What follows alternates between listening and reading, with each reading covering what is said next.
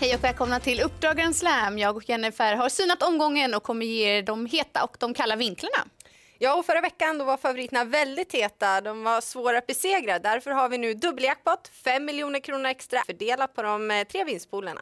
Och det kittlar ju alltid extra. Det är Umeåker också som arrangerar tävlingarna. Vad är värt att tänka på då, den här årstiden? Ja, men det är klart att det är vintriga förhållanden. Däremot har de inte anlagt någon isbana i år, utan det är grusunderlag. Även om det såklart behövs brodd och kan ju vara lite snö i banan ändå. Mm, förra söndagen då var det ju lätt att luta sig åt Daniel Redén. Den här gången om man vill ha en lätt lösning. Ja, men då har vi ju bröderna Djuse. Frågan är vem av Magnus av Djuse eller Mats i Djuse som går segrande ur duellen? Nu kör vi igång. Här kommer veckans heta.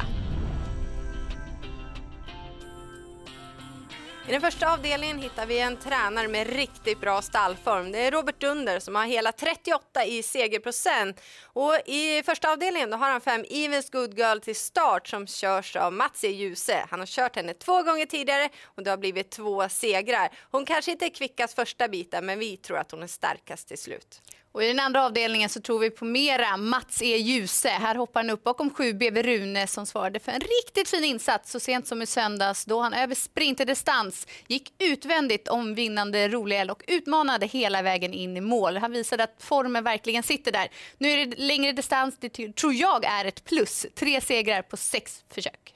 Ja, det var en riktigt imponerande insats, men det är vecka, vecka, täta starter. Det är inte alla som gillar det. Så är det ju. Och eh, vi frågade några aktiva om det är någon skillnad med täta starter för kallblod jämfört med varmblod.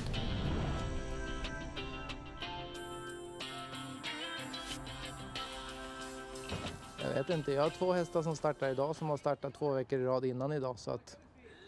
Det är individuellt snarare? Absolut. Ja, det vet jag inte. Det är väl hästar som hästar. Vissa klarar det bra och eh, vissa blir sämre. De kanske som tar ut sig extra mycket. Så det beror nog på hur de tar ut sig lopp. Ja, någon riktigt facit finns inte på frågan. Det är ju väldigt individuellt. Men det vi vet är att Beveruna startat så tätt vid ett tillfälle. Ja, och då blev det seger.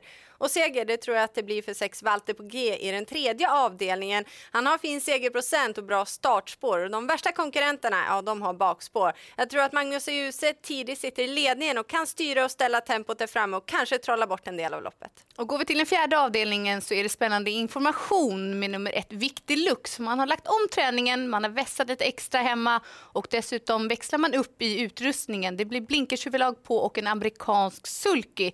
Lägg även där till att det är Magnus A. Djuse som hoppar upp och han har segerdefilerat med Viktig Lux tidigare. Den femte avdelningen det är ett öppet kallblodslopp, men jag tycker inte man ska glömma bort nummer ett Prima Salvia som är lite svårkörd första biten eh, och det är galopppris. Men Katarina Palomäki har löst det tidigare och gör hon det igen, då tycker jag att den här tjejen har fart för att segerstrida. Och en häst som verkligen fångade min uppmärksamhet i den sjätte avdelningen det är nummer 11 Extra GT som har svarat för tre starka insatser i ny regi. Han har visat att han tål att göra en hel del jobb på egen hand. Han räds inte den längre distansen och att det dessutom är Ulf Olsson uppe i sulken för första gången. Det känns riktigt spännande. I den sista avdelningen där har Sören Lennartsson hela tre hästar till start, men det är ingen snack om saken vem som har bäst segerchans. Nej, både Sören och vi tror mest på nummer sju, Jazz Celebration, som har väldigt fin form. Det känns som att han är under väldigt fin utveckling.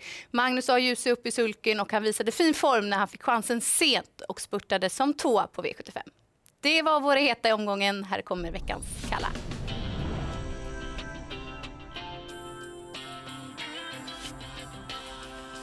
Och vi börjar med favoriten i den fjärde avdelningen, nummer fyra, Imported from Detroit, som så fint inne i klassen. Men det är autostart den här gången och det är inget plus för hans del. Galopprisken är stor och om han nu väl klarar starten så tror inte jag på någon snabb start. Och I den femte avdelningen där kommer sju Bara Prinsen med två starter där han har gått rekord.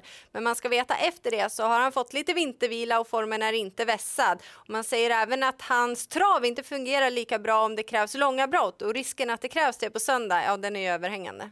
Och går vi till den sista avdelningen så kommer nummer tre Gelato från seger. Ja, och eh, det var väl en bra seger, men man ska veta att det är enda gången han segrat över medeldistans i ett lopp där han fick bra draghjälp, en fin resa i ett överpejsat lopp. Så om man återigen ska segra på medeldistans, ja då krävs det flyt under vägen.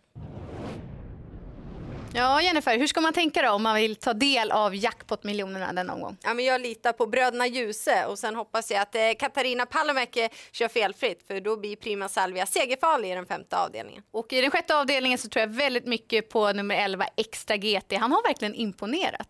Ja, utgångsläge skrämmer inte när Ulf Olsson i sulken. Nej, Stort lycka till med Grand Slam 75 så ses vi snart igen.